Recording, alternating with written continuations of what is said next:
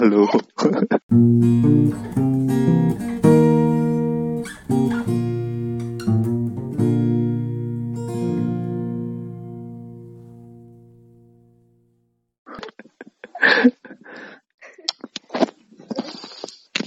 Nah ini podcast pertama dari kami berdua. Saya sebagai Ashari Diki Wibisana Yusuf. ya kamu memperkenalkan diri. Um, perkenalkan, nama saya. Siapa nama saya? Namamu 24 apa yang lebih lucu dari 24? 25. Ya, eh, perkenalkan nama saya Diva Aurelia. Emang malam ini mau ngomongin apa sih? Nggak tahu mauin apa ya? Mau ngomongin hal yang berbau seks 18 plus. Oh my god, tidak boleh ngomongin yang berbau seks itu. Ya kan aku udah Haram. umur 22. Ya, ikut tua. Anda om-om. Ya Allah, ya. Kami mau ngomongin sex education atau pendidikan seks. Ya, secara umum sih pendidikan seks itu kayak yang merupakan edukasi untuk mengajarkan perihal kesehatan reproduksi manusia. Hmm. Nah, menurutmu apa sih sex education itu? Ah, sex education ya. Hmm. Hmm, hmm, hmm, hmm. Pretty self-explanatory. Sex education adalah edukasi tentang seks. Tentang- In the nutshell Ah. kayak gitu sih. Iya. Ya iya kan itu. ya, sex education itu um, edukasi tentang segala hal yang berhubungan sama seks. Jadi tentang bagaimana jalannya hubungan seks itu sendiri, terus Hmm. uh, kesehatan organ-organnya, bagaimana cara merawatnya, terus bagaimana cara melakukannya yang baik dan benar. Hmm. Ya yang kayak gitu-gitu lah. Ya itu sih kayak ya, tujuan dari sex education sendiri ya kayak mengedukasi orang-orang buat sadar pentingnya kesehatan reproduksi sehingga tindakan kayak pelecehan seksual ataupun penyakit menular di alat kelamin atau di, di sekitarnya bisa ditangani atau dicegah kayak gitu. In kayak gitu ya masyarakat. Terus eh penting nggak sih kendali orang tua atas pendidikan seks menurutmu? Kayak Ya penting lah. kayak kamu dulu diajarin nggak sih? Aku sih enggak. Enggak, Enggak, enggak sih aku sih enggak. enggak. Kamu kan besok pasti punya anak kan? Iya, kalau kamu mau Hmm. kayak gitu.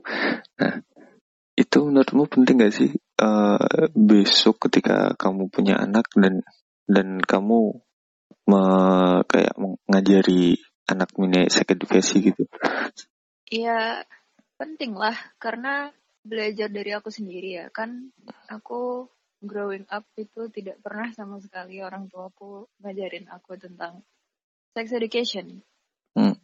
Sedikit pun itu nggak pernah. Cuman cuman kayak dikasih tahu kalau ini alat kelamin sudah itu aja. Yang lain-lainnya kan nggak pernah dikasih tahu gitu loh. Bahkan cara membersihkannya, cara merawatnya atau eh, segala hal yang seharusnya aku perlu tahu itu tidak pernah dikasih tahu gitu Hmm. aku dan eh itu tuh bikin aku kayak banyak bertanya-tanya gitu. Growing up banyak pertanyaan tentang hal itu yang menurutku sih untuk anak seumuran aku pada waktu itu tuh normal gitu loh untuk dipertanyakan kan. Tapi kalau nanya ke orang tua juga pasti nanti akhirnya jawabannya kayak terus nggak boleh itu kotor gitu kan. Kayak awkward gitu gak sih? Iya, uh, Canggung. gitu. Terus nggak bakal dapet jawaban juga kan dari orang tua. Dan itu bikin uh, karena aku masih penasaran ya itu jadinya nyari-nyari sendiri di internet. Pas waktu SMP itu baru baru nyari-nyari kayak apa sih yang berhubungan dengan, sex education gitu. Menurutmu eh, di usia berapa awal belajar mengenai pendidikan seksual? Kayak usia yang pas dan tepat buat kamu belajar pendidikan seksual? Itu di umur berapa? Uh, segera setelah si anak ini mengerti sama apa yang kita omongin. Sekitar umur 2 atau 3 tahun. Hmm. Kan sex education itu kan bukan cuman ini ya, bukan cuman uh, tentang STD atau tentang the position gitu. Tapi hal sekecil kayak ini namanya vagina, ini namanya penis. Itu kan juga termasuk sex education gitu. Hmm. Dan menurutku itu harus diajarkan segera setelah si anak ini ngerti sama apa yang kita omongin. Hmm. Kan kalau hmm. umur-umur dua, umur dua sampai tiga tahun itu kan baru ini kan baru fully ngerti gitu. Iya, kan. Atau ngikutin ngikutin orang dewasa ngomong gitu. Mm-mm, ngikutin orang dewasa ngomong gitu kan. Uh, di dikenalin sex education itu dikenalin step by step gitu. Hmm. Ya, kalau menurutku sih. Berarti kalau menurutmu di umur uh, 2 sampai eh 2 tahunan gitu ya diajarin sex education, hmm. pendidikan seks. Apa apa enggak terlalu dini? Enggak kan yang aku bilang tadi uh, apa sebatas memperkenalkan bahwa ini alat kelamin itu sudah termasuk sex education gitu. Hmm. Oh iya, iya iya cuman ya cuman. Ya cuman seperti itu aja gitu. Uh. Bukan anak dua tahun terus disuruh ini kamu nanti kalau uh, ngewe itu harus pakai kondom ya gitu ya enggak. Ya kalau menurutku sih uh, waktu yang pas buat anak-anak mengerti apa itu pendidikan seks. Ketika mereka udah mimpi basah atau kalau cewek mens. Kalau kita ngajarin anak kecil tuh kayak masih belum waktunya cuman ya katamu tadi mungkin aku ngajarinya uh, tahu kalau itu alat kelaminmu.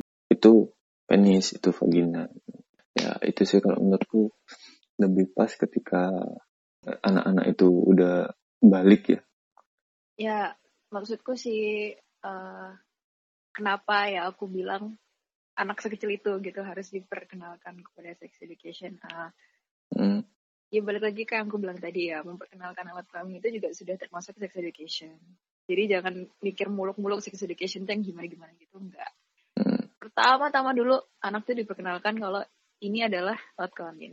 Terus kedua, anak harus diajarkan untuk uh, menjaga alat kelaminnya. Jadi kalau misalkan ada orang asing atau bahkan orang yang dia kenal pun memegang atau mengindikasikan bahwa orang itu mau memegang atau melihat atau segala macamnya hmm. di alat kelamin dia yang dia tidak mau atau tidak seharusnya itu dia tahu gitu loh.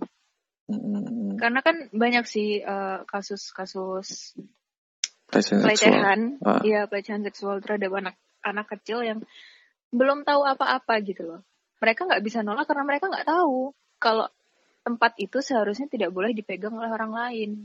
Gitu. Hmm. Maksudku tuh kayak gitu gitu. Kalau perkenalkan kepada anak-anak kalian bahwa itu adalah alat kelamin dan itu tidak boleh dipegang dan dilihat oleh oleh sembarang orang.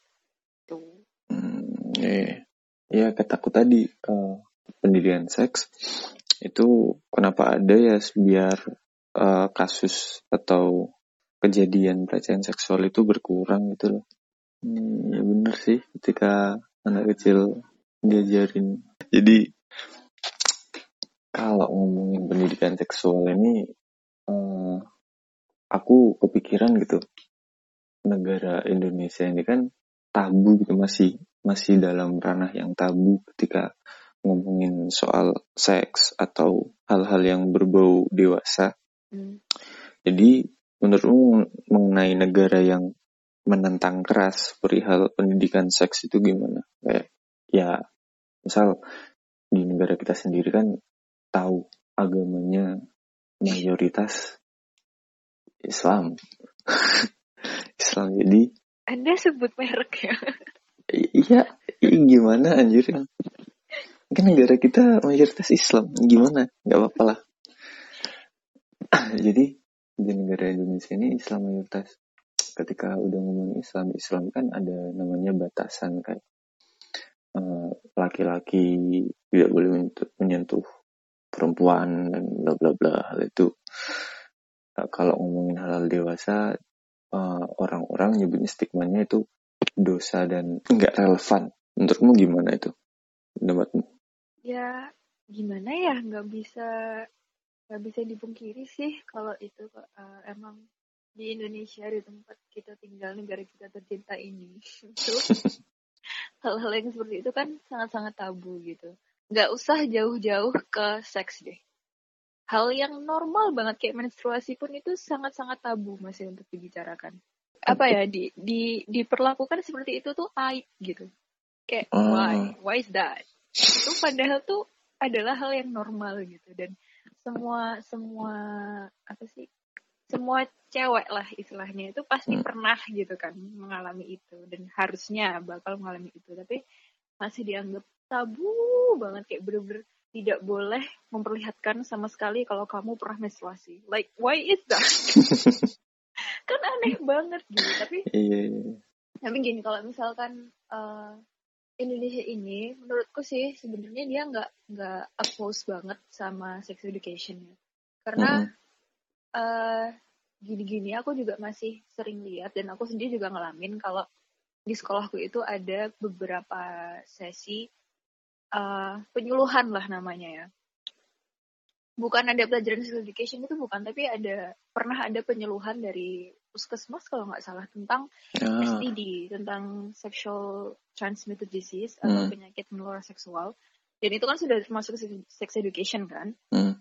Jadi menurutku negara ini itu tidak apa ya, tidak terlalu tidak sepenuhnya lah tidak sepenuhnya menutup mata terhadap sex education which is good but it's still kurang menurutku walaupun ya sudah ada dikit lah gitu Iya, kita kan dihalangi kan, anu kan sudut pandangnya masyarakatnya sendiri kan. Iya, tapi hmm. setidak-tidaknya itu sudah diajarkan gitu kan tentang tentang STD, tentang bahaya-bahayanya, hmm. walaupun yang diajarin cuma bahayanya doang.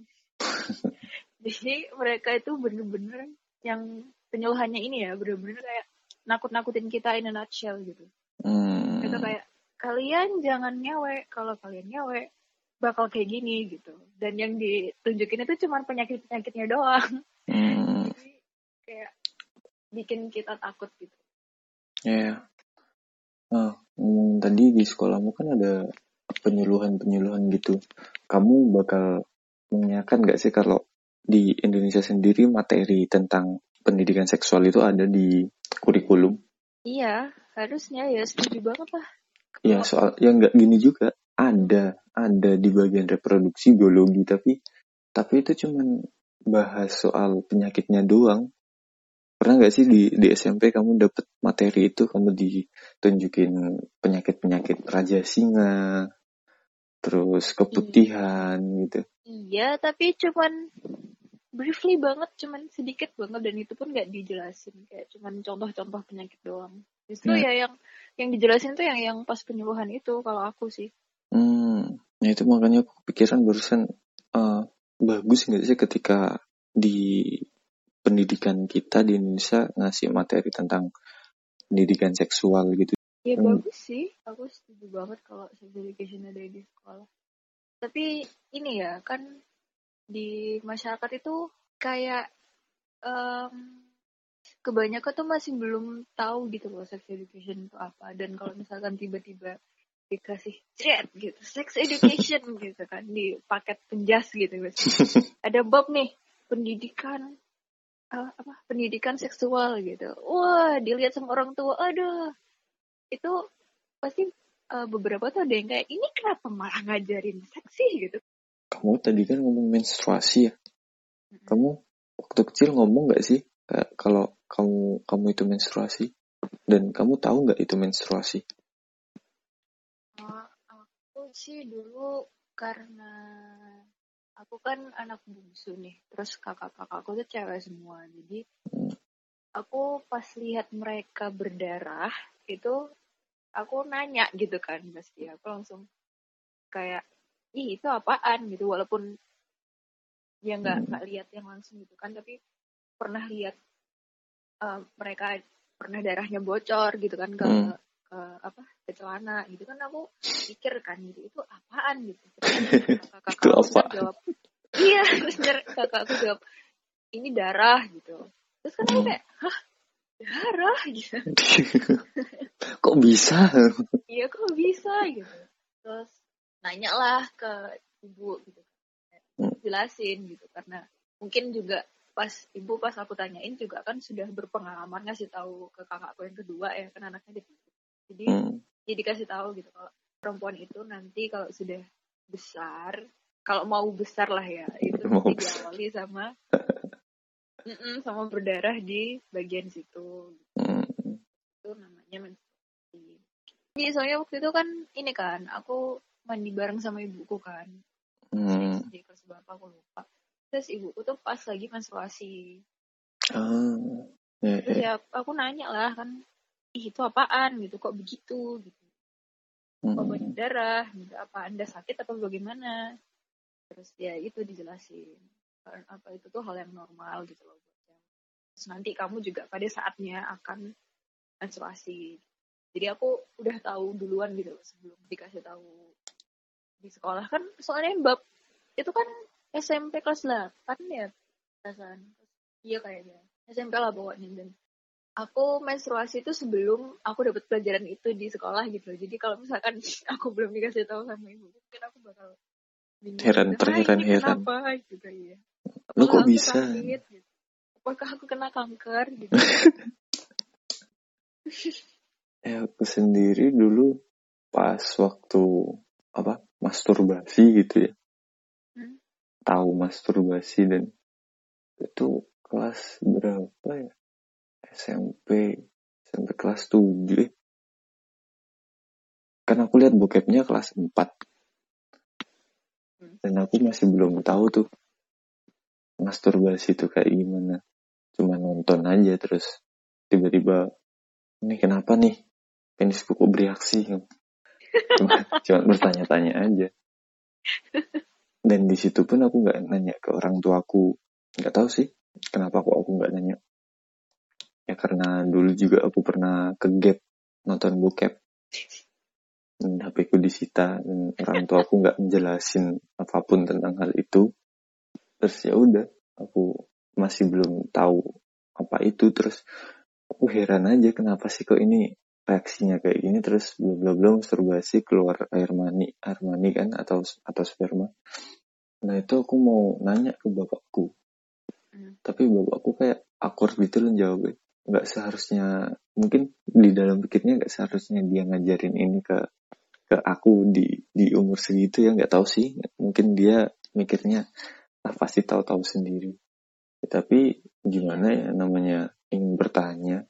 Ya kayak gitu tuh malah malah nggak bagus nggak sih menurutku ya? Kan kalau tanpa bimbingan gitu loh kalau Hmm. salah-salah kan malah kenapa kenapa gitu. Kalau yang cowok aja tuh nggak dikasih tahu gitu kan Hmm. apalagi saya yang cewek jadi aku dulu tahu masturbasi itu kapan Eh, ya SMP juga kali ya maksudnya tahu tahu bahwa itu namanya masturbasi gitu hmm, kalau nonton bokep ya SMP juga sih. Cuman pas SD itu aku kan sering ini sering lihat film film-film dewasa. Maksudnya bukan film porno ya, film yang ratingnya dewasa gitu loh, film Iya, iya. action. Kan Yes. ratingnya kan dewasa toh. hmm, Sama sama bapak ibuku kan dulu, sama bapakku sih biasanya. Terus ya sering ada adegan dewasa gitu kan. Hmm. kan bertanya-tanya nih gitu kayak "Itu ngapain begitu gitu kan kok kok asik kok ya begitu gitu kok kok begitu sih gitu nah terus setiap aku nanya ya nggak sering sih aku pernah nanya kali lah gitu. Terus cuman dibilang terus nggak boleh itu jorok. Udah gitu doang. Cuman itu jorok kamu nggak boleh ngomongin itu gitu. Kan jadinya aku nggak mau nanya lagi tuh. Hmm, hmm. dan dulu pun waktu aku masih kecil juga eh, ibu bapakku kan tipikal orang tua Asia banget yang ringan tangan gitu. Mm-mm. kan jadinya aku takut loh buat nanya lagi. Padahal aku masih penasaran gitu. Dan aku pas lihat itu waktu itu kayak merasa merasa aneh gitu kan. Kayak wah apa nih? Gitu. Hmm, apa nih apa nih? Ini kok, kok begini rasanya anjir? Gitu. Padahal lihat doang apa nih? Gitu kan. Terus udah berlalu itu tapi aku nih masih terngiang-ngiang gitu. Kayak apa ya kemarin kok bisa begitu ya? Gitu. Wah anjir. Gitu. Terus nyari-nyari lah eh bukan nyari-nyari sih nanya-nanya lah gitu kan ke Hmm. teman gitu. Terus mereka kan ada beberapa yang sudah punya akses ke bokep gitu ya. Entah gimana mungkin dari warnet atau gimana. Kayak, "Wah, itu ini apa? Mau lihat bokep nggak? Gitu. Terus aku kayak hah? Bokep apaan anjir? Gitu. Itu apa lagi? Gitu kan. Terus eh, diperlihatkan tapi pas pertama kali di, dilihatin tuh aku kayak karena aku masih naif ya karena aku kayak itu apaan anjir? Jijik gitu terus aku nggak mau lihat tapi Iya. tapi contrary to that aku masih kepikiran terus gitu kayak wah kok asik ya kayaknya gitu. ketika eh kayak ketika kita nonton film gitu terus ada adegan dewasa aku dulu pernah sih nonton itu Twilight yang seri akhir itu apa sih judulnya? Lupa aku. Kan ada adegannya siapa? Bella Bella Bella sama siapa? Yang Edward. Itu kan ngewe ya di suatu pantai. Mereka ciuman sampai kasurnya roboh itu. Nah, ibuku entah kenapa tiba-tiba mataku ditutup gitu. Kenapa Apa nih? ada apa nih? Iya, kayak, kenapa gitu ya kayak sampai sekarang pun aku jadi akur ketika nonton film terus ada adegan ciuman. iya iya Ada, gak sih eh. apalagi apalagi aku waktu umur umur 16 17 tuh waktu masih SMA tuh kayak setiap ada adegan itu aku bingung sendiri kayak aku mau mau tutup mata seperti aku waktu kecil apa aku sudah boleh gitu kan kayak Hmm. "Hah, bagaimana ini gitu. Iya. biasanya aku menghindari lihat film yang ada gituan sih kalau sama Sampai sampai sekarang aja, misal aku nonton TV ya, terus ada adegan itu volumenya aku kecilin dulu. Hmm, orang ciuman ini mesti ada suaranya tuh. Hmm, kalau orang adegan dewasa juga ada suaranya. Volumenya aku kecilin dulu, terus aku lihat-lihat ada buku apa enggak ya. Masih masih ke bawah sampai sekarang akurnya itu. Hmm, balik lagi ke tadi sih kalau menurut anda nih Hmm. eh, orang tua tuh harusnya responnya gimana sih kalau misalkan anaknya tanya seperti itu gitu Gimana ya jawab aja maksudnya. Kalian buat kita pun nggak gitu. Tau nggak sih? ya Ngerti nggak sih ya, kayak Iya, ka- kamu kamu misal aku jadi orang tua nih ya, aku jawab aja, oh itu ciuman, dan kamu boleh ngelakuin itu ketika 18 ke atas atau 20 ke atas. Ya, ya nggak tahu kalau kamu udah apa ngelanggar ngelanggar umurmu mungkin umur 15 kamu udah ciuman siapa tahu kan anjir. Kalau aku jadi orang tua ya, kalau kamu ngomongin orang tua harusnya ngapain kan? hmm, menurutku orang tua harusnya ngasih tahu aja daripada orang tua nutupin hal itu atau nyembunyiin kalau itu adalah hal yang lumrah ketika kita dewasa. ya sih soalnya pas ini ya pas aku SMP itu banyak teman-temanku tuh yang sudah melakukan itu gitu. Hmm, SMP Dan- Anda keren sekali. iya makanya. Dan itu tuh ada yang sampai hamil gitu kan. Terus Ah, aku tuh mikirnya nih eh mereka nih kurang pendidikannya gitu loh terhadap hal ini gitu. Sehingga mereka bisa melakukan itu ya. Kan mereka kan tahunya tuh cuman oh ngelakuin itu tuh enak gitu. Udah kan itu aja. Tapi nggak tahu seluk beluknya itu gimana terus apa yang harus diperhatikan sebelum melakukan itu gitu. Atau bahkan kayak tanggal-tanggalnya buat ngelakuin itu itu kan ada apa ya ada Iya, ilmunya gitu. Ah, ada ada, ilmu. ada hal yang yang perlu mereka tahu gitu dan mereka nggak tahu dan mereka melakukan itu cuman purely karena mereka pikir itu enak. Iya terus kebobolan deh dan itu kan Hmm.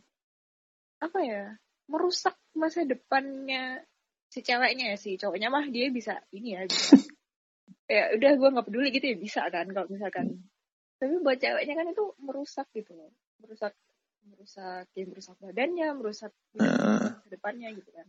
Iya betul sih katamu tadi kayak uh, uh, sex education ini itu guna banget ketika kamu melajari hal-hal kayak gitu kayak ya harusnya kamu ketika berhubungan gitu ya semoga aja orang-orang di luar sana berhubungan intim 18 ke atas ya jangan sampai ke bawah karena itu bahaya bahaya Iya. banget Iya pendidikan seks seksual ini ketika ada kan ada di pendidikan seksual ada kayak misal kamu mau gini harus pakai apa alat kontrasepsi pakai kondom biar kamu nggak kejibolan dan itu sih menurutku Ya, tapi ya balik lagi sih kita kan uh, tinggal di Indonesia yang mayoritas ya seperti itulah gitu ya. Uh, mungkin bagi mereka atau bagi orang tua yang nggak tahu dan nggak paham apa pentingnya sex education itu mungkin malah kayak ih kok malah diajarin gitu. Tapi ya mau gimana gitu. Soalnya menurutku itu tuh harus diajarin dan mereka harus tahu gitu loh. Yang harus dilakuin sama guru dan orang tua adalah ngasih tahu ini tuh begini dan ini dampaknya begini. hmm, Nanti si anak mau ngelakuin atau enggak ya udah itu urusan terserah anak. mereka Iya, kalau menurutku sih gitu kayak ntar mereka mau ngelakuin apa enggak ya terserah. Pokoknya mereka sudah tahu kalau misalkan mereka mau ngelakuin itu yang benar gimana dan mereka sudah tahu dampaknya gimana kalau sampai mereka melakukan itu gitu. Hmm, Tapi ya bagi orang Indonesia kayak itu malah ngajarin gitu kan. Gitu. Ya gitu lah. hmm, sih aku mau mikir dari sudut pandang mereka aja mungkin ya kayak sudut pandangnya orang tua ya kenapa mereka nggak ngasih tahu anaknya tentang pengalaman seksual atau pengalaman dewasa ya mungkin orang tua takut aja gitu. Takut anaknya kenapa-napa. Takut anaknya uh, keseret uh, ke dalam pergaulan yang enggak-enggak gitu kan. Mereka takut aja gitu. Mungkin. Iya mungkin sih juga nggak tahu. ya kamu kamu, kamu sendiri kan tadi bilang kalau menstruasi aja uh, bingung toh mau ngomong ke siapa kamu sendiri tahu tahu tentang hal itu di umur berapa? Dan gimana ya kayak kamu ngasih tahu ke orang tuamu ketika kamu menstruasi itu kayak gimana? Itu kalau tentang menstruasi itu kan aku taunya dari aku kecil ya dari umur 8 7 atau 8 gitu kan tuh udah udah mulai bertanya-tanya lah gitu. Cuman cuman nanya doang. Tapi terus kan aku nggak mikir lebih jauh lagi nggak mikirin kayak uh aku kapan ya akan menstruasi gitu enggak gitu. Cuman aku sudah tahu gitu kan pada umur segitu gitu. Kalau nanti aku pasti bakal seperti itu juga gitu. Hmm, karena aku ya itu tadi ngelihat kakak-kakakku juga kan. Terus pas hmm, aku pertama menstruasi itu waktu SMP ya waktu kelas berapa ya? Kelas satu. Itu aku posisinya lagi sendirian sih di rumah. Aku ingat banget hari minggu terus lagi sendirian di rumah nggak ada siapa-siapa. Terus tiba-tiba nih pagi-pagi kan aku bangun tidur mau pipis terus hmm, coba celana anjir banyak darah kayak abis apa ada pembunuhan atau gimana gitu. Banyak darah gitu kan di celana tuh ada darahnya terus kayak di paha tuh banyak darah juga gitu. Hmm, aku mencoba Ah. tidak. apa ini apa? Gitu. Tapi terus aku Ah, ini sih aku nyadar sih kalau itu menstruasi gitu kan. Karena teman-temanku dulu waktu kelas 6 SD juga banyak yang sudah menstruasi gitu kan. Terus hmm, oh akhirnya aku menstruasi. Terus aku telepon ibuku bu aku kayaknya menstruasi deh eh, ini ada ada darah keluar gitu lah. Hmm, oh ya ya wes gitu. Pakai pembalut sana gitu. Ada, ada pembalutnya ada di sini gini gini gini. Nanti bacaan habis ini gitu. Bacaan tuh apa sih? Selamatan ya nggak tahu apa? Emang beda ya artinya eh, eh emang orang menstruasi harus diselamatin? Emang ada selamatannya? Ada kali dipikir sunatan doang. Hey anda ada selamatannya tapi nggak kayak orang sunatan gitu. Kalau orang sunatan heboh banget tuh kayak nikah ya kan? Which is really unnecessary I think iya tapi iya iya. entahlah ya nggak tahu kenapa gitu. Kalau menstruasi itu biasanya selamatannya itu cuman bagi-bagiin makanan ke tetangga-tetangga. Ah, atau mentok-mentok tuh ngadain kayak semacam pengajian gitu loh buat hmm, doain gitu kan. Hmm. kayak our coming of age gitu terus didoain gitu. Tapi waktu aku dulu cuman ini sih cuman bagi-bagi nasi kuning. Hmm. dan itu beda-beda gitu loh tergantung si orang tuanya juga mau mau ngadain selamatan apa enggak. Terus kalau misalkan mau ngadain yang dibagiin tuh apa itu juga terserah. Ada yang bagiin bubur ada yang nasi kuning ada yang makanan kayak kue-kue biasa gitu. Emang umur yang wajar ketika udah menstruasi itu umur berapa? Kalau boleh tahu. Harusnya ya harusnya yang normal itu 13 sampai 15 tapi tapi pas generasiku itu anak-anak umur 10 sampai 12 itu sudah pada mulai menstruasi semua. Bahkan dulu pas aku kelas 6 itu adik kelasku yang kelas 4 SD itu ada yang sudah menstruasi. Hmm. Dan itu tidak normal seharusnya. Itu kenapa kok udah ngomongin itu, generasi? Anu sih, soalnya menstruasi yang kayak gitu, yang hmm. uh, tidak seharusnya, maksudnya mulainya tuh lebih cepat gitu, itu tuh banyak faktornya kayak makan makanan junk food terus oh. stres stres ya stres junk food stress, ngaruh stres. iya junk food tuh ngaruh makanan-makanan yang nggak sehat junk food okay, okay, okay. Hmm.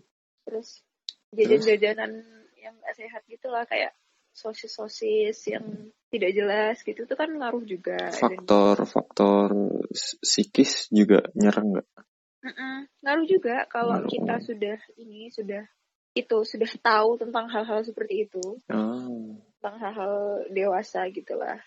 Mm. ya itu ngaruh juga. Nah, iya ya anjir. Aku sampai pikiran anjir kok bisa lintas generasi menstruasi lintas generasi bangsat. Ya iya nggak gitu juga namanya anjir menstruasi lintas generasi. Nggak gitu. Lucu Aduh. banget namanya Ya, itu mungkin pembahasan tentang pendidikan seksual atau sex education yang mungkin itulah uh, mengenai pendidikan seksual dan pembahasan dari kita. Uh, kamu punya kesimpulan nggak? Enggak. ya, ya mungkin kesimpulannya ketika kamu udah jadi orang tua ajari anakmu segera tentang pendidikan seksual di usia-usia dini ya kayak yang Dipan tadi bilang di umur ya umur 2 tahun ke atas 2 sampai 10 ke atas lah. Itu lebih baik daripada kalian enggak ngajarin anak kalian sama sekali. Yeah. jangan lupa tunggu episode-episode selanjutnya dari kami berdua. Apa sih anjir? Mie ayam keluar. Mie ayam.